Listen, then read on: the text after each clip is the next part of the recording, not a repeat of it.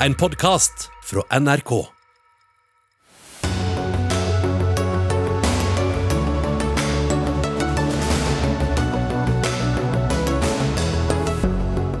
Forskere ved NTNU ble lei av å vente på helsemyndighetene og prøvde ut en teststrategi de mener vil slå ned koronapandemien enklere, billigere og raskere enn dagens tiltak.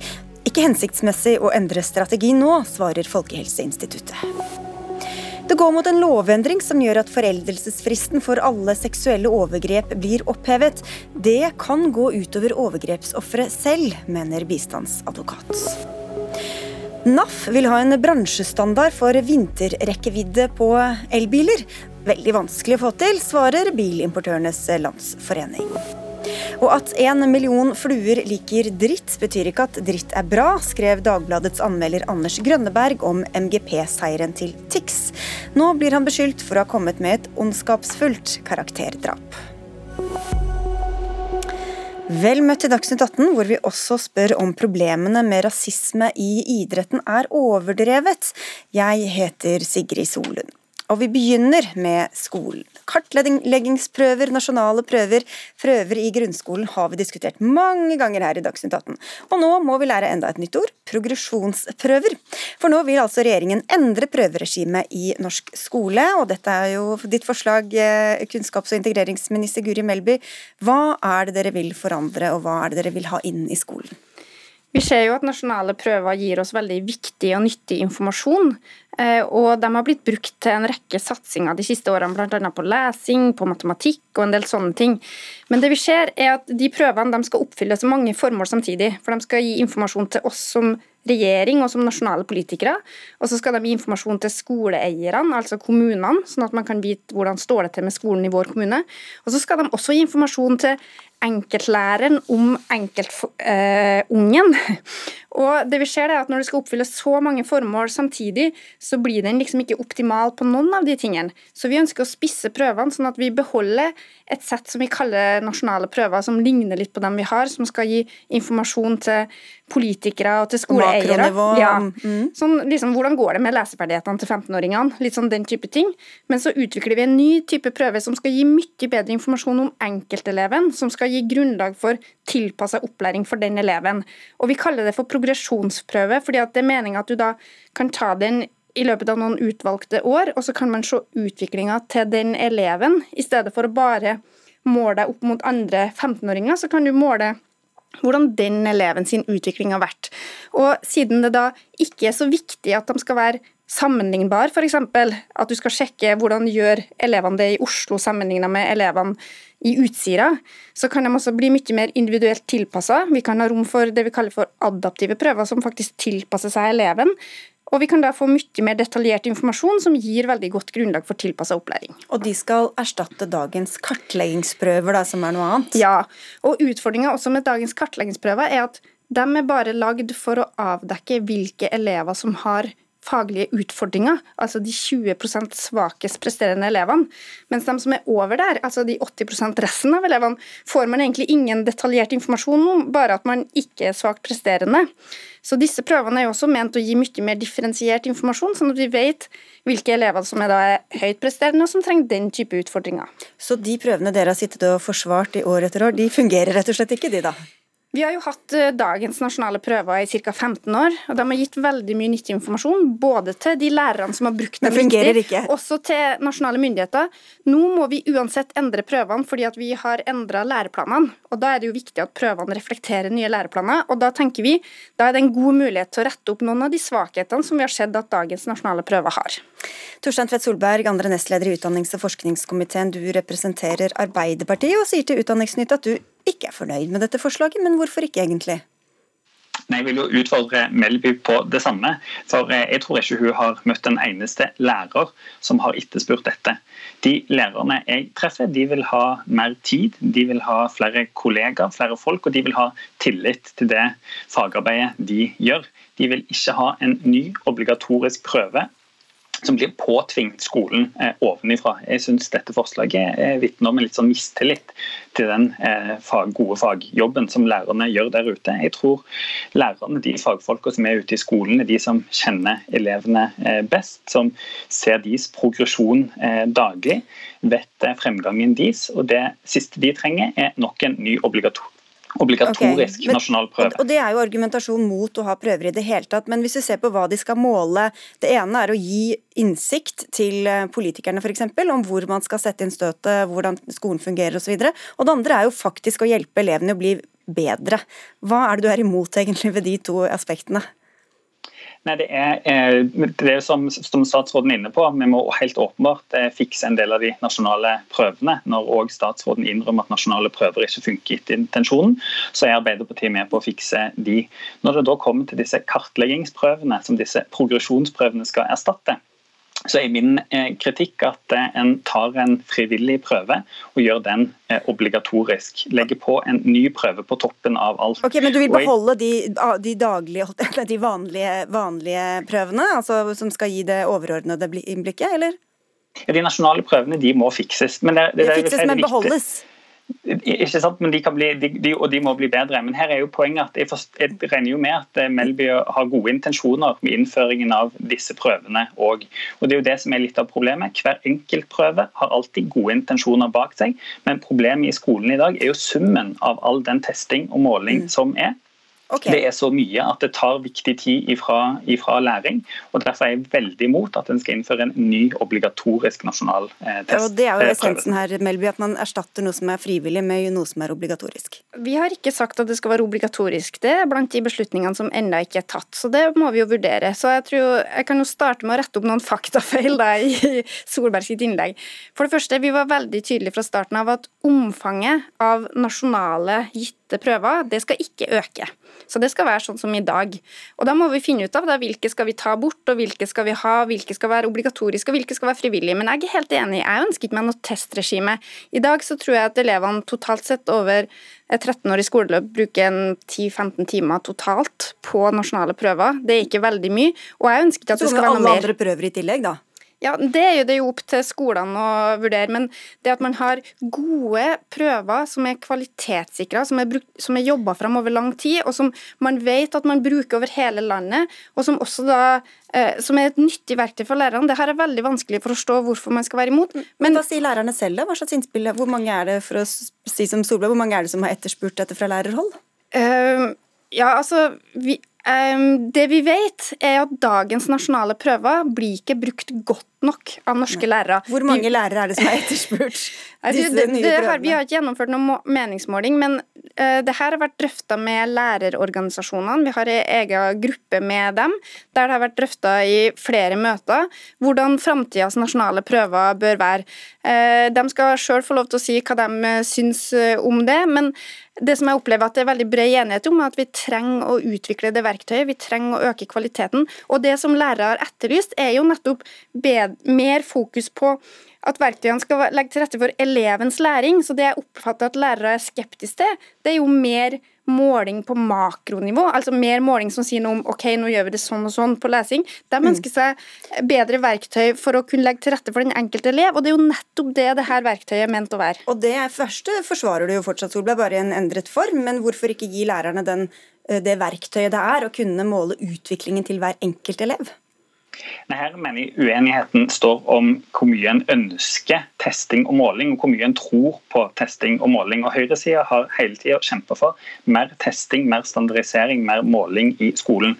Jeg mener Det er vitne om et ganske snevert kunnskapssyn. For det er ikke alt i skolen som kan måles og standardiseres og settes inn i en prøve.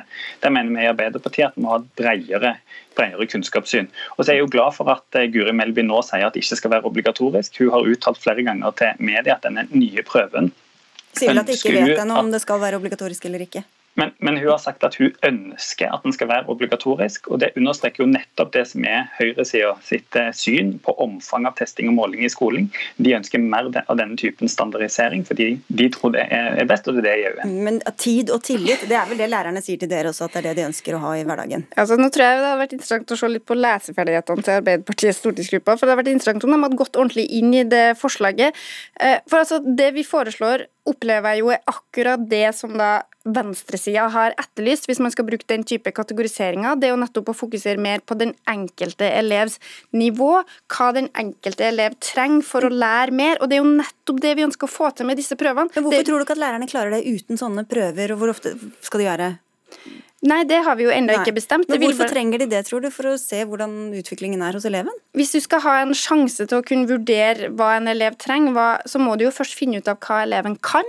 Men Tror du ikke lærerne skjønner det ut fra prøver, andre prøver, og hva de leverer inn, og samtaler osv.? Jeg tror at vi kan bli veldig mye bedre på det. Eh, og det som vi nå gjør en mulighet for, er jo en videreutvikling av de verktøyene vi allerede har. En av de tingene vi ønsker å se på, for eksempel, det er jo å lage mer adaptive prøver, altså prøver som tilpasser seg eleven. Det vil føre til at veldig mange elever får en mer positiv opplevelse ved nasjonale prøver, for de vil oppleve at de får til mer. Det har vært et av ankepunktene. Så det at vi utvikler et verktøy som i dag har mangler, det syns jeg er veldig vanskelig å, å, forstå hvordan man kan være imot. Ok, Du får lese nøyere, hører vi her fra Studio Solberg. på en måte Melby det som jeg mener er den store svakheten med regjeringen sitt, eh, sitt, forslag. Uansett hvor adaptive de nye prøvene blir, så reduserer en jo uansett læringen til det som kan måles og kan puttes på et papir eller inn i en datamaskin eller eh, en iPad. Og Det er det som jeg mener vitner om et litt snevert kunnskapssyn, litt gammeldags kunnskapssyn fra denne regjeringen, da, der eh, en ny prøve svarer på alle. Vi har jo aldri påstått at disse prøvene kan måle absolutt alt som læres i skolen, men vi kan måle noe av det som er viktig, bl.a. helt grunnleggende lese-, regne- og engelskferdigheter greit. Da følger vi opp når det kommer mer konkrete forslag. Takk skal dere ha begge to, Guri Melby og Torstein Tvedt Solberg.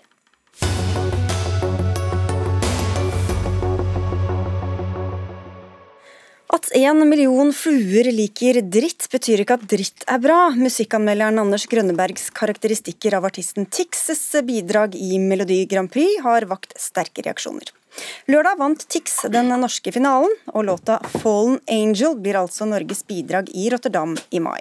Låta og artisten får eh, altså kraftig kritikk i Dagbladet, og i Medier24 så kritiserer du kritikeren Lasse Olsrud Evensen, du er frilansjournalist, og anklager eh, Grønneberg bl.a. for å bedrive et ondskapsfullt forsøk på karakterdrap.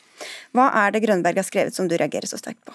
Altså, han har jo skrevet masse forskjellig, men i, men i, utgangspunktet så skriver han, for å si det litt kort, at eh, det er søppel og det er dritt. Og han bruker karakteristikker om TIX som jeg syns ikke er riktig at en journalist skal gjøre. Jeg mener at eh, for at journalistikken skal bli tatt på eh, på alvor, så må man altså ta det ansvaret som det er å være journalist. Det handler om Altså, det handler om det å eh, kunne presentere ting på en skikkelig faglig måte. Helt i orden med ordspill, men når ordspillet går over til å bli ondskapsfullt, så får jeg litt problemer med det, Anders. Mm. Ondskapsfullt, Rønneberg, musikkanmelder i Dagbladet, hva sier du? Nei, Jeg er jo helt uenig. Jeg har en palett som jeg bruker, og så har jeg et forskjellige typer penner. Noen med bred pensel og andre litt smalere. Og så har jeg innestemme og utestemme, og da tror jeg jeg har det jeg egentlig trenger. Og når man snakker om karakterdrap, så har jo Tix gjennom sin karriere stort sett klart det utmerket sjøl, uten hjelp av eh, andre. Han har jo hatt uh, tekster som er så grove at uh, selv jeg får litt rødmende. Men, men jeg foretar ikke noe karakterdrap på, på, på denne artisten, som nå har starta for prøve å rehabilitere seg sjøl og skrive litt mer anstendige, forsøksvis anstendige låter. Men, øh, men øh, det er ikke Det er, har liksom ikke jeg som, som har gjort noe gærent her. Han begynte, er det det du sier? Hva? Han begynte? Han ja, fordi, nei, fordi, han har hatt grove tekster, så henter du fram utestemmen og den brede penselen? Nei da, men jo, jeg snakker om å begå karakterdrap, og det har, det har, han drevet på seg sjøl i en årevis. Tix. Men øh, jeg blir tillagt veldig mye. Jeg skrev den anmeldelsen en uke før Tix var på Lindmo og, og gråt en skvett. Og, eh, og, eh, og, jeg skrev en anmeldelse som var helt Jeg syns det er en dårlig låt. Jeg skrev en helt, helt ryddig og grei anmeldelse, og så avslutta jeg med at jeg skal spise hatten min, som er et uttrykk. Men så så jeg bildet av han etterpå. Ja, ta pannebånd. Så bare skrev jeg men- om, men Anders, skrev altså, det. det- det- At du skulle spise alt pannebåndet hvis han vant. Men, Men, men altså, det du sier nå, det er en reinspikka bortforklaring. For det første, du har ikke på noen som helst måte begrunna faglig hvorfor låta til Tix er dårlig. Det er punkt én. For det andre så har du altså, Det er mange måter å vurdere det på. For det andre så, så bruker du et språk Nå sier du at Tix i utgangspunktet han har ødelagt sin egen troverdighet. Skal du som journalist i Dagbladet virkelig komme ned på hans nivå som han var før? Men, men det Det er mange, han, han får terningkast én andre steder også. Hva er det denne anmeldelsen gjør som skiller seg så veldig fra de andre? Språket. Altså, eh, Når man jobber i et redaktør, eh, altså et, et eh, medium som er styrt av en redaktør, så har man et helt annet forhold til språk enn hvis man er på sosiale medier. Et, et øyeblikk, Grønberg. Så har man et helt annet forhold til språk enn det man har på sosiale medier. Og Det som dette har blitt til, det har blitt til en, det jeg vil kalle et ordgyteri for å virke kul og virke tøff og virke i utgangspunktet at jeg, jeg behandler ord på en bra måte. Det er ikke Dagbladet i utgangspunktet eh, ansvarlig for. Men du kan gjerne fortelle meg nå hvorfor er låta til Tix så ekstremt dårlig? Ordgyteri. Jeg leste den kommentaren din i dag. Det er jo, det er jo ordgyteri eh, som går helt amok. Det er jo Og, og det men verste nå, må Grønneberg få, ikke nå må til- Grønneberg få Men svare her. det, det verste som Jeg har fått utrolig mange nettroll på nakken. Jeg er blitt uh, trua med, og, med bank og, og, og så videre nå de siste dagene. Jeg, vet du hva? Det klarer jeg utmerket. Spiller ingen rolle. Men sånne humørløse folk som han det er jeg mye mer engstelig for. Som skal ta brodden av enhver eh, litt sånn frodig, eh, eh, frodig, er ondskapsfullt. Ja, men det er, det er innafor den der er kulturverdenen. Og, ja, men hva, hva er det som er så ille med mitt språk? Jeg gir en terningkast igjen, og du er full av feil i, i, den der, i, i den kommentaren din. Du skriver at jeg rakker ned på menns eh, eller hans psykiske helse. Jeg blir trukket inn i debatt jeg aldri har deltatt i. Har aldri i noe sted trukket inn eh, TICs eh, mentale helse, for å si det sånn. Du skriver i utgangspunktet, bare for å ta det eh, Du skriver at Tix vil få mange stemmer, det var han ikke i tvil om. At den har en fanskare, det er det heller ikke i tvil om. Så sier du men at en million fluer liker dritt, betyr ikke at dritt er bra. Men er det, det er det eksempelet vi har brukt gjennom Er det andre eksempler på ordbruk som, som Nei, overhodet ikke. Overhodet hvis, du ikke. er så, hvis du er så uh, vettskremt, eller hvis du er så feig og ikke tåler det jeg ikke her mot deg nå. Nei, Hvis du har jeg- jeg er jo ikke, men du er jo- En av gangen, en av Hvis du har lest kommentarfeltet under eh, Dagbladet i dag, så er det altså over 1000 mennesker som angriper deg og språket ditt. Får ikke det deg på noen som helst måte til å tenke over at du er ufin? At du går på unge mennesker. Det er ikke første gang du Ja, gjør det, Grønneberg. Et øyeblikk. Et øyeblikk. At du går på unge mennesker. At du tar debutanter inn som sitter der hjemme og blir skada fordi at du rett og slett, for å si det på godt norsk og ekte, ekte hadelandsk programleder, du gir faen. Og det er ikke pent. Nei, men jeg, jeg skjønner ikke altså, Jeg vurderer et kulturprodukt. Nei, du og, gjør ikke det. og, og, og, og, jeg blåser i om avsenderen hvilke mentale utfordringer en avsender har. Det er, det er ikke Når du går ut i, i, i mediene, eller går ut og selger en bok, en film, en plate, en låt, da må du eh, finne, finne deg i og bli, og bli vurdert. og jeg har aldri snakket om jeg har, eller, eh, Dere- argumentasjonen som noen gang har kommet. Få hø få hø få høre her nå, for du skrev også til, i anmeldelsen av Ane Fin, en annen deltaker i Melodi Grand Prix, hva med å grine litt på Lindmo? Og så var det eh, Tix eh, som uttalte på God kveld Norge at holdninger som stikk og grin er nettopp gutt, grunnen til at gutter ikke stikker og griner på Lindmo, men går og henger seg i stedet. Hva, hva sier du til det? Nei, det her var jo et lite stikk til alle som har en bok og en plate å selge. Så går de til Skavlan, og så går de til Lindmo. Så forteller de om den vonde, tunge tida, og så øh, kommer de med, presenterer de kulturproduktet sitt.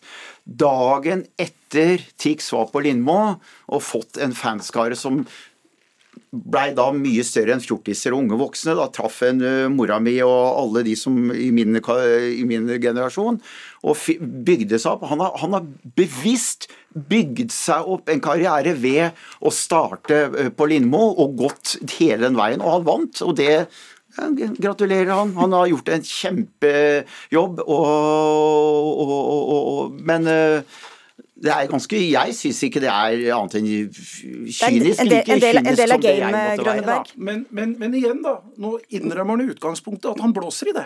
Altså at folk eh, har det vondt. Og det er en del av det å være journalist, Grønneberg. Det er å ta hensyn. Det er hele hoved... Et øyeblikk! Et, et, et øyeblikk. Det er hoved... Ja, men du sa det jo sjøl nå. Men Grønneberg, et øyeblikk. Hun refererte akkurat til hva du hadde skrevet om en annen artist. Og så forteller du mm. hvordan du ser på folks syke når de åpner seg. Det er absolutt noe av det viktigste som skjer i journalistikken, er at folk tør å åpne seg, uavhengig av om at de skal selge noe eller ikke. Og det du sier der nå, det er hele essensen mm. i det du mener. At du gir faen og du bryr deg ikke om det som er hovedessensen i Vær varsom-plakaten, det å ta hensyn til folk. Okay. Du, skal, du, angrer ikke på det du skrev, Grønneberg, ut fra for Nei, å oppsummere her? Nei, og han er ikke inni mitt hode. Og det med Ane Fien, det var, det var at hun hadde et engasjement. Hun var veldig opptatt av artisters mentale helse. Ja, alle som lever en stund, får noen skrubbsår, og de er opp, også opptatt av alle menneskers mentale helse. Mm. Men dere, ikke selv, ikke selv på Lindmo. Videre. Vi får se om noen klager deg til PFU, da, som det ble annonsert her. Eller så får du ha god appetitt med dette pannebåndet. Takk skal dere ha, i hvert fall begge to. Dagbladets Anders Grønneberg og Lasse Olsrud Evensen, som er frilansjournalist.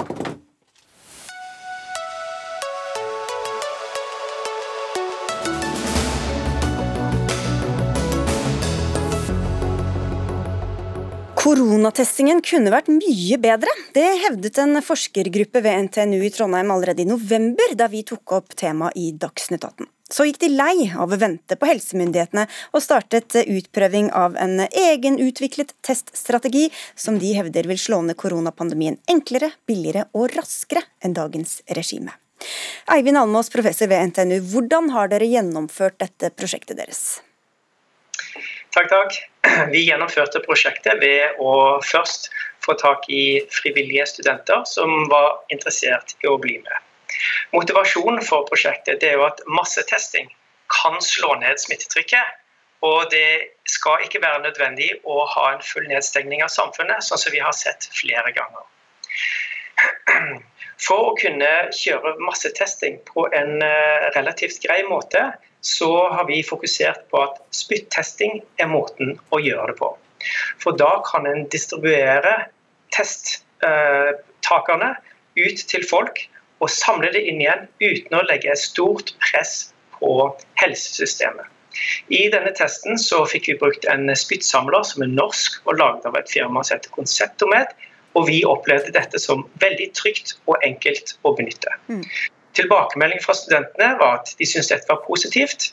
De syntes det var greit å gjøre, og de vil gjerne bli med på denne her type tester for å kunne holde campus åpen og komme tilbake til en normal hverdag. Ja, hva er det dere har lært der som dere mener at helsemyndighetene bør ta lærdom av, og også da ta konsekvensen av? Fokuset for oss det var å sjekke logistikken. Er det lett å levere ut uh, samlerne? Er det lett å hente det inn? Er det lett å behandle det på laben? Det har vært, uh, blitt løftet fram en del um, motsigelser mot å bruke spytt som en, uh, et medium å teste etter covid-19 på. Og Vi ønsket å se at dette går òg an i Norge. Mm. Det har blitt utrullet på stor skala i andre land. I USA har et universitetssystem i Illinois brukt, eh, gjennomført 1,3 millioner sånne tester bare i høst. Og da, Frode Forland, fagdirektør ved Folkehelseinstituttet, hvorfor kan vi ikke gjøre dette overalt? Ja, Vi eh, kan jo for så vidt det. Eh, prøven er god nok. Spyttet er godt nok å bruke som, som, prøvemateriale. Men vi har jo en effektiv måte nå å undersøke ved hjelp av de vanlige virusprøvene. Eh, og Det å bruke spytt generelt har vært litt vanskelig å få de mikrobiologiske laboratoriene til å godta som, som undersøkelsesmetode.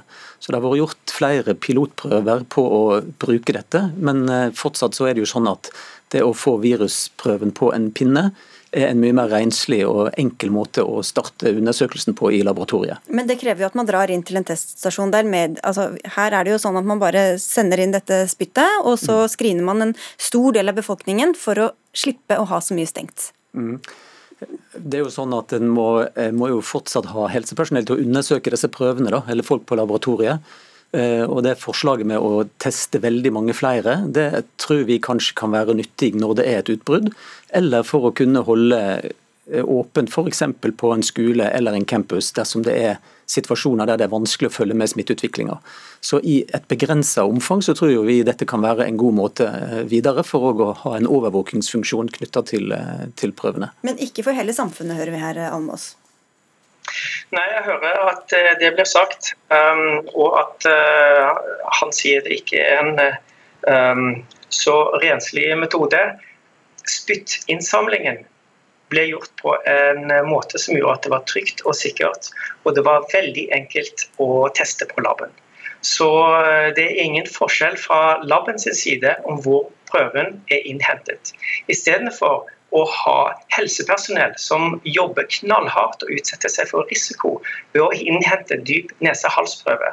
i tillegg hvor ubehagelig det er og vanskelig for barn å gjennomføre, så er dette en måte å innhente like godt prøvemateriale på som um, gjør det mye enklere å få tak i og rulle ut på stor skala. Sånn som det er nå, så er den største delen av kostnaden assosiert med personellkostnader for å innhente disse prøvene. En person som jobber på en, en teststasjon, greier bare å håndtere et lite antall prøver per time og innhente det. Her kan personene ta spyttprøven hjemme hos seg selv og så avlevere et lite rør som da blir prosessert. Det tar ikke mer enn 20-30 sekunder å prosessere dette røret. Og det er helt klart at dette kan da oppskaleres på en annen måte til mye lavere pris enn det vi har sett i Norge så langt. Mm. Så det å eh, ta en spyttprøve det krever jo at en får tilsendt utstyr. Det krever at en får organisert både innsamling og analyse og utsending av svar. Og Enhver som har et positivt svar, skal jo òg eh, få tilbakemelding om dette. og Det viktige er jo at enhver positiv prøve blir fulgt opp med smittesporing og karantene og isolasjon dersom det er en positiv prøve. Men Er det da at det blir for dyrt, eller er det det at det ikke er hensiktsmessig? eller Hva er grunnen til at man ikke vil gjøre det på den måten? Det kommer jo an på hvor mange som skal ta den prøven. Hvis det er et begrenset omfang, så er det jo ikke kostnaden som er et problem. Da er det jo definitivt noe å spare på helsepersonellkostnaden ved å gjøre det. Men sånn som det er nå foreslått f.eks. For i Danmark, med at en skal masseteste hele befolkninga, så blir jo det et veldig dyrt prosjekt i forhold til hva som er nytten og gevinsten av det, tenker vi. Almas. Der må jeg si meg litt uh, uenig. For uh, nytten og gevinsten er at vi slipper å stenge ned samfunnet med de enorme kostnadene det påfører oss. Her kan vi kjøre regelmessig testing f.eks., og derved holde samfunnet mye mer åpent. Det vil hjelpe på så mange dimensjoner som òg ikke bare måles i penger direkte. Så jeg forstår bare rett og slett ikke hvorfor mm. Det ikke har vært et sterkt nok ønske om å rulle dette ut på stor skala. Ja, vi hadde en strategi, men nå kan man jo endre den underveis, Forland? Eller? Strategier er varmt som hvetebrød, og det må endres underveis. Det er vi helt klar over. Men jeg tenker vi har klart å holde dette samfunnet ganske åpent. Og vi har klart å få ned smittetallet nå fra 4500 til 1500 per uke ved hjelp av de teststrategiene vi har. Og Vi tester jo nå mellom 100 og 150 000 hver uke. Og Det viktige er jo nettopp at testene blir fulgt opp med effektive tiltak etterpå. Men syns du det er så åpent? Vi snakker jo veldig mye om alle konsekvensene det har både for bedrifter og for ensomme mennesker og barn og unge. og vet ikke om alle er enig med deg i at det har vært så åpent? Nei, men hvis du, skal, hvis, du tenker at du skal gå ut og teste alle eh, til enhver tid, så er jo det likevel øyeblikksbilder. Og du vil aldri få teste alle. Mm. Du må likevel eh, holde smittetrykket nede for å kunne ha samfunnet så åpent som mulig. Men vi er positive til å bruke dette i helt spesifikke situasjoner knytta til utbrudd, eller i situasjoner der det er viktig å holde en eh, god overvåking. Ja, Få kommentar på det, Almos. Eh, jeg er enig i at dette kan benyttes når vi har eh, spesielle utbrudd, men det kan òg benyttes på en mye større skala. For eh, da kunne vi slippe å ha disse stadige nedstengningene som vi har opplevd. Ved å kjøre en god strategi for spyttesting så, og ha logistikken på plass, så kan dette gjennomføres veldig greit og smertefritt. Og jeg lurer på I hvilken grad har myndighetene regnet på kostnaden med massiv testing, og sette det opp mot hva samfunnet kan spare ved å holde mye mer åpent? Da kan... Opplever dette som et ikke godt nok belyst spørsmål. Ja, Der skal du få svare på det til slutt, Forland. Ja, Det er ting som vi har regna på, og ting som vi òg er villige til å rekne på på nytt, i forhold til at denne metoden nå har vist seg å være brukbar. Eh, og Samtidig så har det jo nettopp vært gjort et overslag over hva dette ville koste i Danmark. og Det var 100 milliarder i løpet av ett år for å teste den danske befolkning. Men når du da sier at, at man kan bruke det ved noen anledninger, så tenker du på mye mindre anledninger, f.eks. For, for hele Oslo eller hele Bergen dersom eh, smitten blomstrer opp? Ja, målretta testing. Mer av målretta testing der det er et høyt smittetall og der det er en uoversiktlig situasjon. Der tror jeg dette kan være veldig nyttig. Da får vi se da, hvor, om det blir noe av etter hvert. Takk skal du ha, fagdirektør ved Folkehelseinstituttet Frode Forland, og til deg, professor ved NTNU Eivind Almås.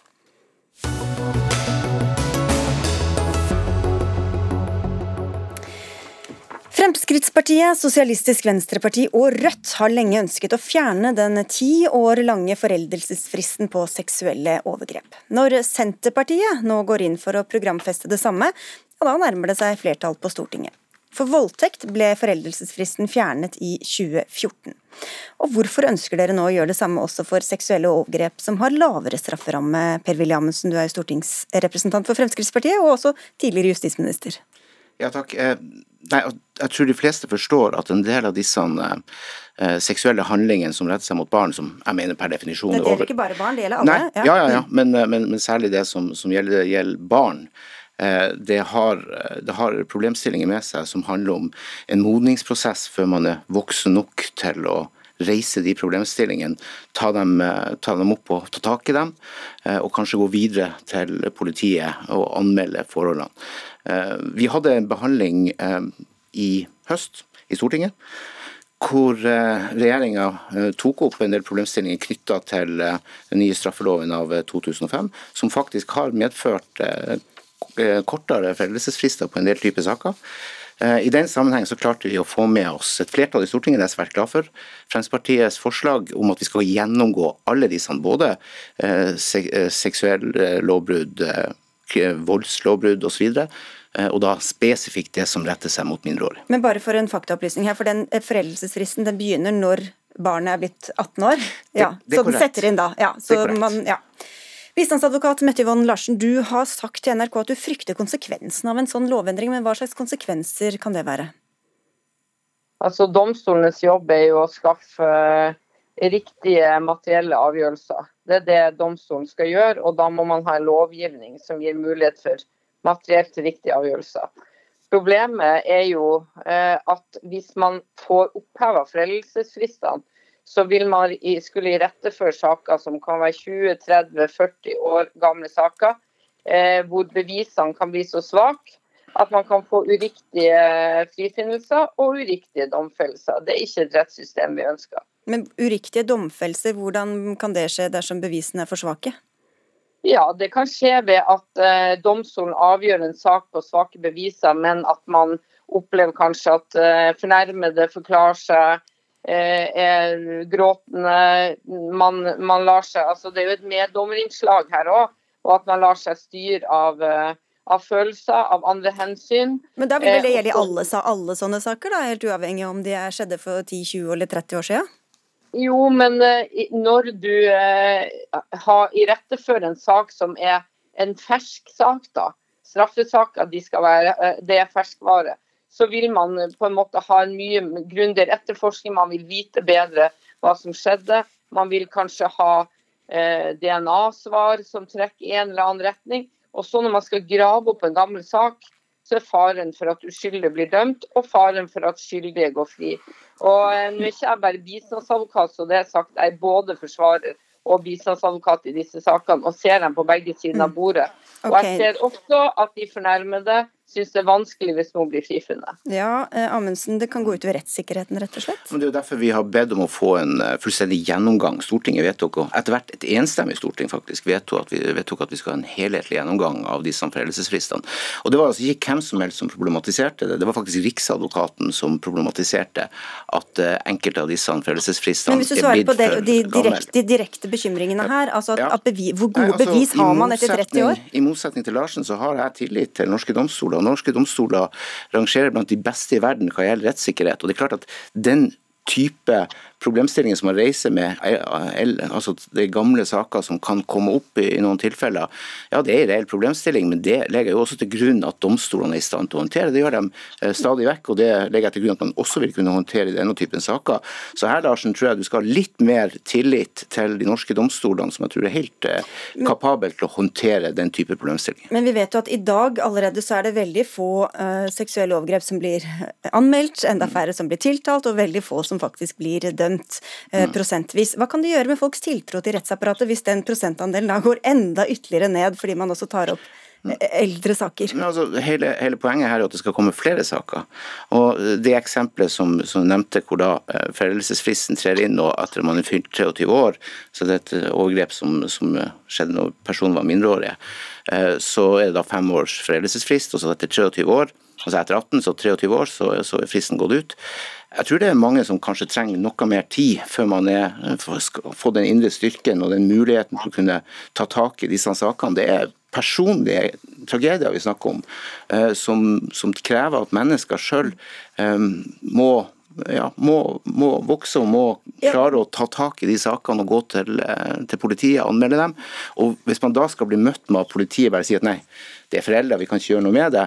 Da tror jeg, ikke, tror jeg de fleste ser at da tar vi ikke det utysket som mm. heter overgrep mot barn på alvor. at For å bekjempe det, og det mener jeg er noe med det viktigste vi som justispolitikere og vi som samfunn får til, nemlig å bekjempe vold og overgrep mot barn. Larsen, det tar i gjennomsnitt 17 år før et seksuelt overgrep blir anmeldt. Ehm, hva med ofre og de pårørendes behov for å stille overgriperen til ansvar, selv om man kanskje ikke blir dømt i retten, men i hvert fall blir tatt på alvor?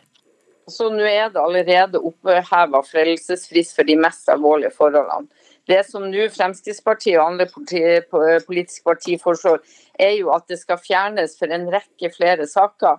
Eh, og av mindre alvorlig art. Og jeg må si at jeg sliter med å forstå hvorfor denne type straffbare forhold eh, skal settes i en særstilling. Hva med barn som er vitne til drap? da? Hva med barn som opplever andre ting? Hva med vold i nære relasjoner, barn som voldsofre? Hva med eh, økonomisk kriminalitet som ekstremt samfunnsskadelig virksomhet? Hvis man skal begynne å dra altså Dette med barn det blir på en måte satt i en sånn særstilling som jeg tenker ikke er riktig ut fra det straffbare forholdets karakter. Men jeg, jeg, jeg, tror nesten ikke jeg hører mine egne ører. Sier du at, at, det er uriktig å sette barn i særstilling? Selvfølgelig er det riktig å sette barn i særstilling. Det handler om å ta vare på våre barn. Og da må vi ha et, eh, en straffelov som gjør det mulig å ta opp de sakene, selv om det har gått lang tid. Fordi at man ikke gjør det tidligere. Og som, som, du sier, gjennomsnittlig 17 år før man kommer opp med disse sakene. Du kan ikke sammenligne eh, seksuelle overgrep mot barn med, med økonomisk kriminalitet at alle forstår det. Men så skal jeg være den første til å si at vi må jo se sammenhengen i disse tingene. Vi må se på type voldshandlinger, type eh, seksuelle overgrep som skjer, eh, og hvordan vi skal avpasse dette. Men når vi snakker om barn, så sier det seg selv at vi må ha særskilte regler mm. som ivaretar deres eh, Men Per Williamsen, du sier dette, dette er det absolutt viktigste. Du var en av Fremskrittspartiets sju justisministre mens dere satt i regjering. Hvorfor gjorde du ikke noe med det da? Jeg er veldig glad for at vi faktisk i regjering, Fremskrittspartiet i regjering klarte å, å fjerne foreldelsesfristen på de mest alvorlige lovbruddene på dette området. Ikke på dette. Nei, Vi fikk ikke med oss regjeringa på, på, de øvrige områdene, men det er jo en kontinuerlig prosess. Jeg tror også Stortinget etter hvert ser behovet for det, og da skal vi være den første til å um, jobbe sammen for å danne det flertallet i Stortinget. Men ikke så viktig at dere fikk, det, fikk til å prioritere det i regjeringsforhandlingene? Her som i alle andre uh, områder så er det ikke sånn at Fremskrittspartiet har rent flertall. Det hadde vi ikke når vi satt i regjering.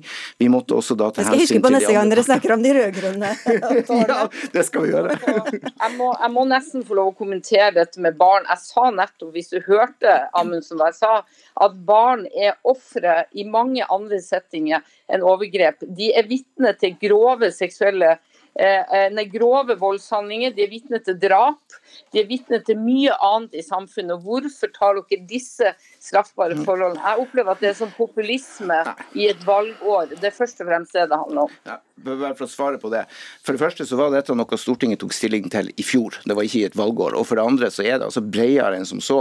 Men dette er de, si, de mest åpenbare eksemplene som går mot uh, seksuelle handlinger som retter seg mot barn. Alle skjønner at det er en særstilt problemstilling, men vi må gå gjennom alle disse foreldelsesfristene. Og da må vi selvfølgelig balansere det mot rettssikkerhet, sånn som vi alltid skal gjøre som justispolitikere. Men jeg tror du skal være trygg på at her skal vi klare å balansere rettssikkerhet og hensynet til barnet på en god måte. Vi må sette punktum der. Takk skal dere ha begge to. Per-Willy Amundsen fra Fremskrittspartiet og advokat Mette Yvonne Larsen.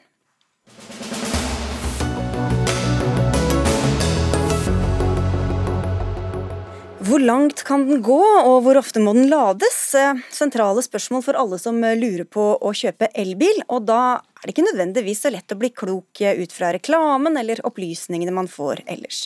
Nå vil NAF ha en ny bransjestandard for rekkevidde av elbiler. Dere sier at det er mye feilinformasjon ute og går. Anette Berve, du er forbrukerrådgiver og testansvarlig for biler i NAF. Hva er det som er så forvirrende eller misvisende? Nei, altså Vi ser jo at nordmenn kjøper jo elbiler som aldri før. Og veldig mange førstegangseiere har nok nå opplevd sin, eh, sine første langturer med elbil. Opplever at rekkevidden er ikke det som ble lovet i reklamen. Lader ikke like raskt som reklamen lovet. Og det har bare blitt forsterket med den utrolig kalde vinteren vi har hatt. Så det vi jo eh, nå ser, det er at eh, flere og flere ikke kommer frem kanskje til hytta, som de forventet å gjøre uten å lade, og sitter igjen med en bil som ikke de kjenner igjen fra reklamen. Så vi mener det må bli enklere for forbrukerne å sammenligne elbiler. Ja, vil ha en ny bransje, ja. bransjestandard. Hvordan skal den fungere? Helt riktig. Den bransjestandarden er egentlig i bunn og grunn markedsføringsgrep, som gjør det enklere å sammenligne elbilene på like premisser. Vi ønsker at eh, bilbransjen nå enes om eh, en mer presis omtale av rekkevidde og ladehastighet. Og det er vi formulert i seks krav som vi har fremmet overfor bransjen. Ida Krag, sjef for kommunikasjon og myndighetskontakt i Bilimportørenes landsforening. Hva sier dere til forslaget om en bransjestandard? Vi sier jo at det er en viktig problemstilling som NAF tar opp. Vi har en eh, veldig kald periode bak oss hvor vi også har hatt veldig mange ferske bileiere. Eh, vårt første svar til NAF det er at vi er i gang med å oppdatere og lage en ny veileder. Eh, det gjør vi sammen med Norges Bilbransjeforbund, som jo organiserer forhandlerne. Vi organiserer importørene, så det er, det er oss to sammen som jobber om det. Eh, og i den så tenker vi at vi skal få tydeliggjort ganske mange av de punktene hva, skal det, hva, hva, skal den hjelpe med en veileder? Eh, til hvem og Til hvem og om hva? Jo, til både forbrukere og kjøpere, sånn at man sørger for at man får diskutert disse problemstillingene grundig i salgsprosessen. NAF har en smørbrødliste på, på, fem punkter. Eh, tre av de punktene som handler om at man skal oppgi blanda, eh, altså rekkevidde ved blanda kjøring, det er vi helt enige med NAF om. Eh, det kommer til å bli tydeliggjort i den veilederen. Eh, vi kommer også til å presisere at vi skal ha oppgitt oppgitt verdier for ulik type utstyr, og at det er nett netto batteristørrelse som skal oppgis. Hva gjelder selve kjørelengden under ekstreme temperaturer, så er det nok et vesentlig lengre lerret å bleke. For det er ikke bare temperatur som påvirker hvor langt elbilen går, det gjør også topografi. Altså bor du på flate Østlandet, eller bor du nedi en bygd og gjerne må over en fjellovergang, blåser det?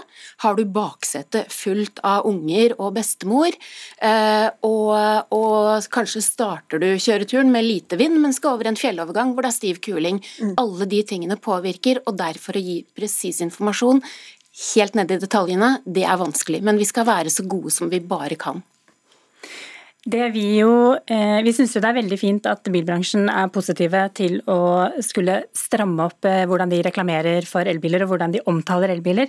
Vi tror en kjøpsveileder absolutt er noe positivt, men det omgår jo egentlig bare hele problemet. Fordi at en kjøpsveileder gjør det fortsatt ikke enklere å sammenligne elbilene på samme premisser.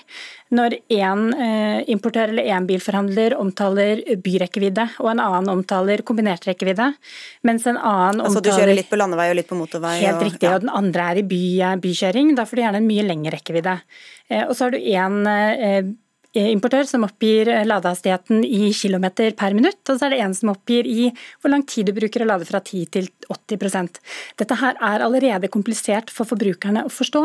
Så jeg tenker at en kjøpsveileder, ja, et godt steg på vei, men fortsatt så må reklamen være mye tydeligere. Mm. Sånn at forbrukerne vet hva de sammenligner. Men hvis det er så mange faktorer som vi hører her som, som avgjør hvor langt man kan kjøre f.eks., eh, hvordan skal man klare å lage en sånn standard?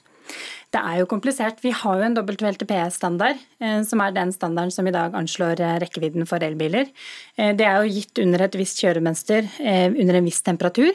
Og så står det gjerne en fotnote i reklamene som forklarer alle begrensningene. Eh, vi tror jo at bilbransjen sitter på informasjon som gjør at vi allerede i dag også kan få den informasjonen om vinterrekkevidde, eh, om om eh, bilbransjen ønsker å dele den informasjonen. Eh, vi er absolutt ikke opptatt av å holde noe som helst tilbake. Vi vil at kundene skal eh, få så presise og så realistiske informasjoner om produktene som det er mulig å gi. Men det er altså rett og slett ikke sånn at alt det NAF etterspør, eh, som det er helt mulig å gi.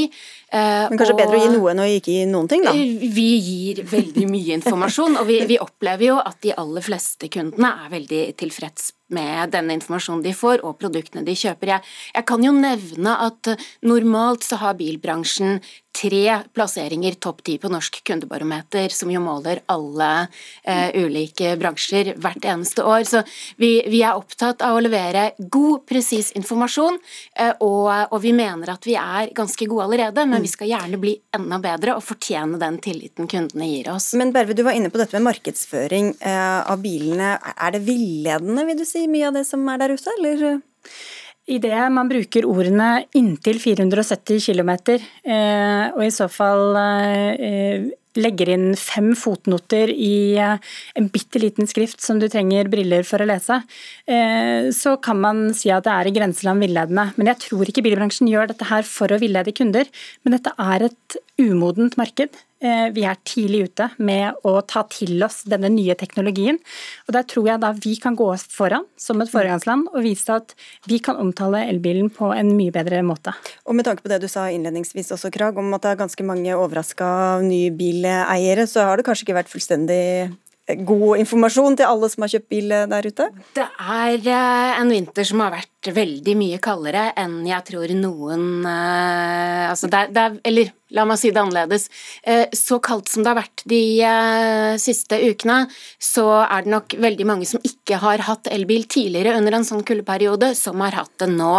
Eh, men vi, vi, skal gjerne bli veldig mye bedre på dette, og nettopp derfor lager vi jo den veilederen. Og den kommer til å være ferdigstilt allerede i løpet av neste uke. Vi vil gjerne ha med NAF på den. Og jeg har sjekka værmeldinga, sånn at det er ingen ny kuldeperiode før vi kommer til å ha ferdigstilt den veilederen. Ok, Det var jo deilig det, da. Takk skal dere ha. Det var ikke noe kjempegod reklame for elbiler her, men eh, det har vi nok av andre innslag om. Takk skal dere ha begge to. Ida Krag fra Bilimportørenes Landsforening, snedig forkortet med bil, og til Anette Berve fra NAF.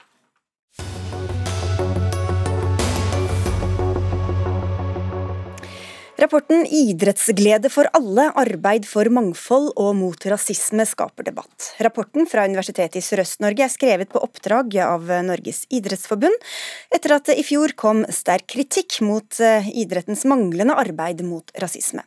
Ifølge rapporten speiler ikke idretten mangfoldet i samfunnet, og den sa også at arbeidet mot rasisme var lite målrettet. Arve Gjelseth, førsteamanuensis i idrettssosiologi ved NTNU, sammen med Mats Skauge ved Nord universitet universitet går du ut i VG og forsvarer idretten. Hvor stort er problemet med rasisme i idretten etter deres syn? Nei, jeg tror jo at det er altså, all grunn til å være så mye på vakt som mulig og opprettholde den nulltoleransen som man har lagt seg på. Men det var jo to årsaker til at vi skrev denne kommentaren her i VG.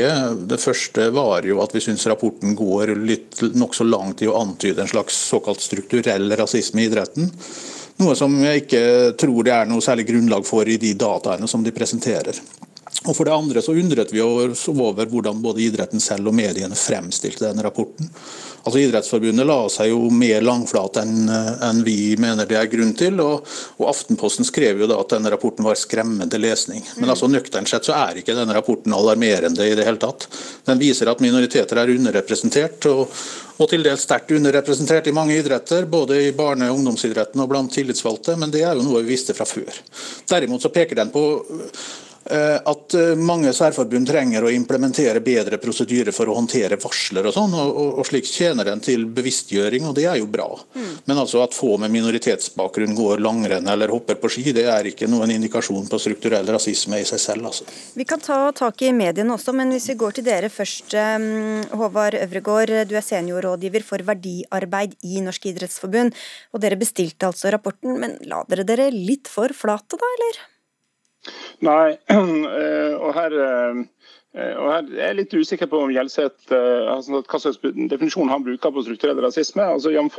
Olav Elgvin artikkel i Tidsskrift for samfunnsforskning i, i, år, så er det altså flere muligheter å forstå det. Men én mulighet er at det der konsekvensen av eh, strukturene er at personer med minoritetsbakgrunn i praksis har mindre mulighet til å delta enn de med majoritetsbakgrunn, uten at det er noen som ønsker at det skal være slik. Og En utfordring som vi har i barne- og ungdomsidretten, og som jo er synliggjort i rapporten, det er jo at en ung, eh, mørkhuda eh, gutt eller jente som ønsker å drive på med om det er ski eller hockey eller andre idretter, har ikke forbilde. Eh, som ser ut sånn som deg. Og det vil si at Da blir det jo mindre eh, naturlig for deg, den personen å ønske seg inn i idretten, selv om personen kan være veldig god på skøyter eller ski. Og Da sier vi sånn dette er ikke bra nok. Det er ikke fordi at noen har ønska rasisme. og Lokale idrettsledere gjør så godt de kan, men vi må ta et ansvar sentralt i idretten og i idrettene for å ha flere med synlig minoritetsbakgrunn som synlige representanter, eh, og gjennom det gjøre det lettere for alle som vil, å oppleve idrettsglede. Men hvor, hvorfor er det nødvendigvis idrettens feil at det er få med minoritetsbakgrunn i enkelte idretter? Men det er ikke, det er ikke idretten sin feil. Altså Idretten inviterer alle inn. Denne rapporten og vår oppfølging av det handler ikke om hva vi gjør feil. Det handler om hva kan vi gjøre for at flere skal være med? Og Der er vår anerkjennelse at vi kan bli bedre. Det er mulig for særforbund å vektlegge i større grad og ha personer med denne kompetansen, med flerkulturell kompetanse, i sine styre. At en har i større grad setter dette på dagsorden på sine møteplasser. At en tar opp rasisme mer. Så til Gjelseth, det at vi har lagt oss flat. det er sånn, vi, vi gjør veldig godt arbeid. Men poenget her er at vi ønsker å gjøre enda bedre, og vi ønsker å ta denne utfordringa på alvor. Gjelseth? Ja, altså Jeg er langt på vei enig i alt han sier. og Det er helt klart at det er kjempefint om, eh, om de som vil drive med typisk norske idretter, eh, fra, om minoritetsungdom som vil drive med typiske norske idretter, får, har forbilder til det. Men eh, du kan jo ikke tvinge ungdom heller, og vil de heller spille cricket, så er det kjempefint, syns jeg. Det er utmerket om de går på ski, men det, det, finnes altså langt viktigere ting i integreringsarbeidet. Og Noe av poenget med integrering er vel at de skal kunne betraktes som en del av fellesskapet i Norge, også om de ikke finner glede i særnorske aktiviteter. Men skal ikke Unnskyld. Mm. Nei, fullfør, du. Ja, nei, jeg hadde egentlig fullført. nei, bare, Du sier det er andre viktigere ting, men betyr det at skal idretten si sånn nei, men det er andre som har større problemer, så da lar vi være å holde på med dette? Nei, altså, vi kan godt, altså, Denne diskusjonen om hva strukturell rasisme er for noe, er jo litt sånn, det er litt annerledes enn dette her. Altså, det er klart det er en utfordring hvis eh, minoritetsungdom som har lyst til å drive med noe, ekskluderes fra å drive den aktiviteten av ulike årsaker. Eh, og det, Mangel på forbilde kan være en faktor, men vi tror jo at f.eks. kostnader knyttet til idretten er en langt større utfordring enn at de på en måte ikke føler seg velkomne.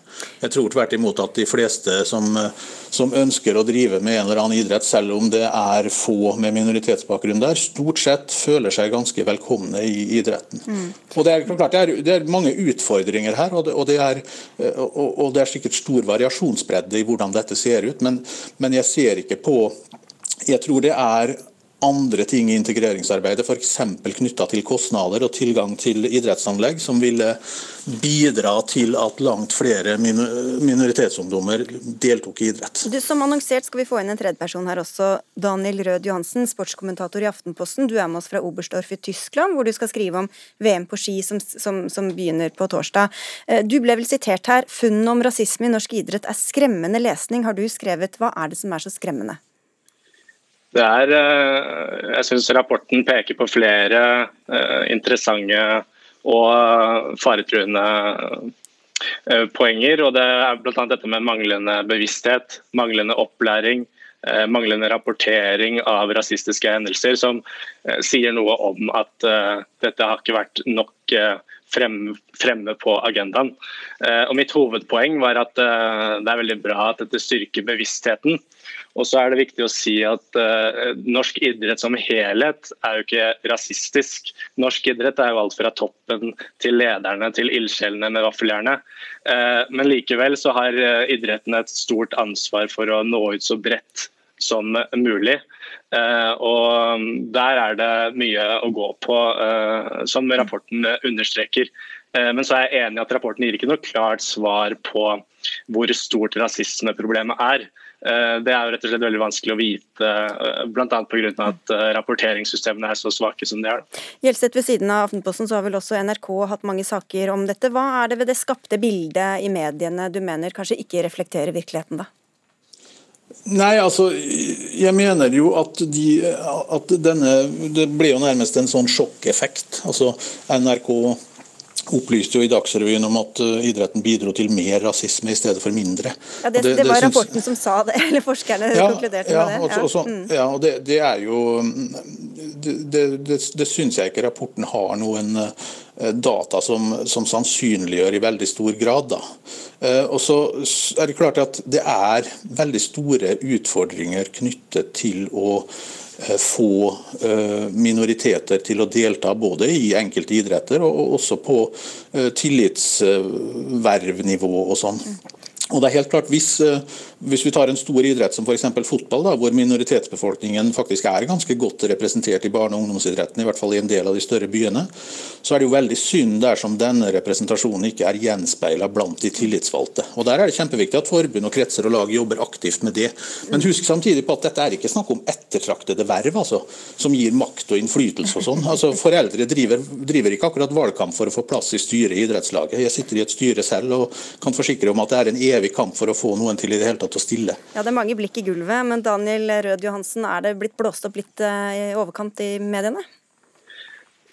Nei, altså det Som jeg nevnte, at uh, jeg tror det er viktig å understreke at norsk idrett som helhet ikke er rasistisk. Men det tror jeg, jeg eh, har verken rapporten eller mediene sagt, uh, sagt noe om.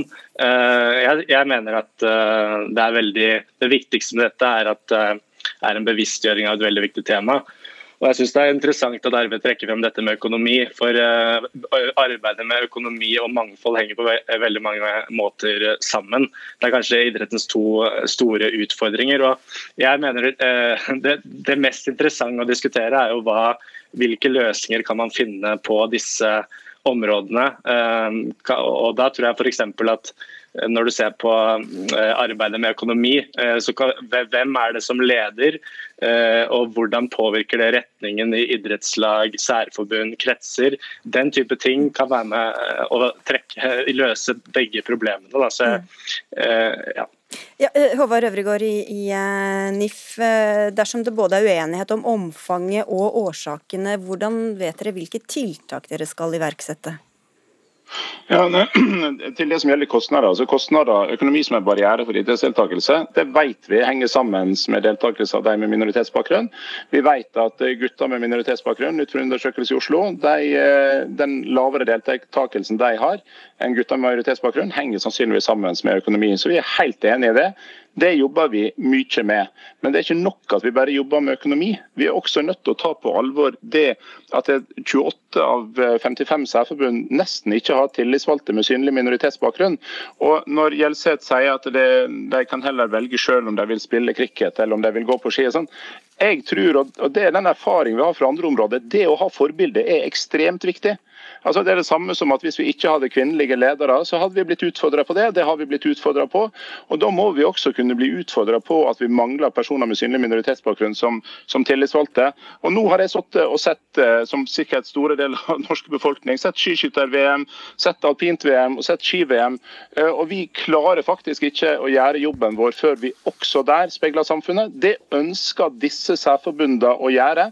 Og denne rapporten og vår oppfølging av det er jo bare sånn, Vi tar en utfordring tydeligvis mer på alvor enn hva enkelte forskere og andre mener at vi skal gjøre, men det er vi godt fornøyd med. Dere, jeg følger med på klokka, og den sier at jeg må takke dere av. Og det gjør jeg så gjerne. Daniel Rød Johansen i Aftenposten, Arve Gjelseth fra NTNU og Håvard Øvregård fra Norges idrettsforbund. Tusen takk skal dere ha for at dere var med i Dagsnytt 18, som nå er slutt. Det var Anne Katrine Føle som hadde ansvaret for innholdet. Lisbeth Sellereite var tekniker, og jeg heter Sigrid Solen.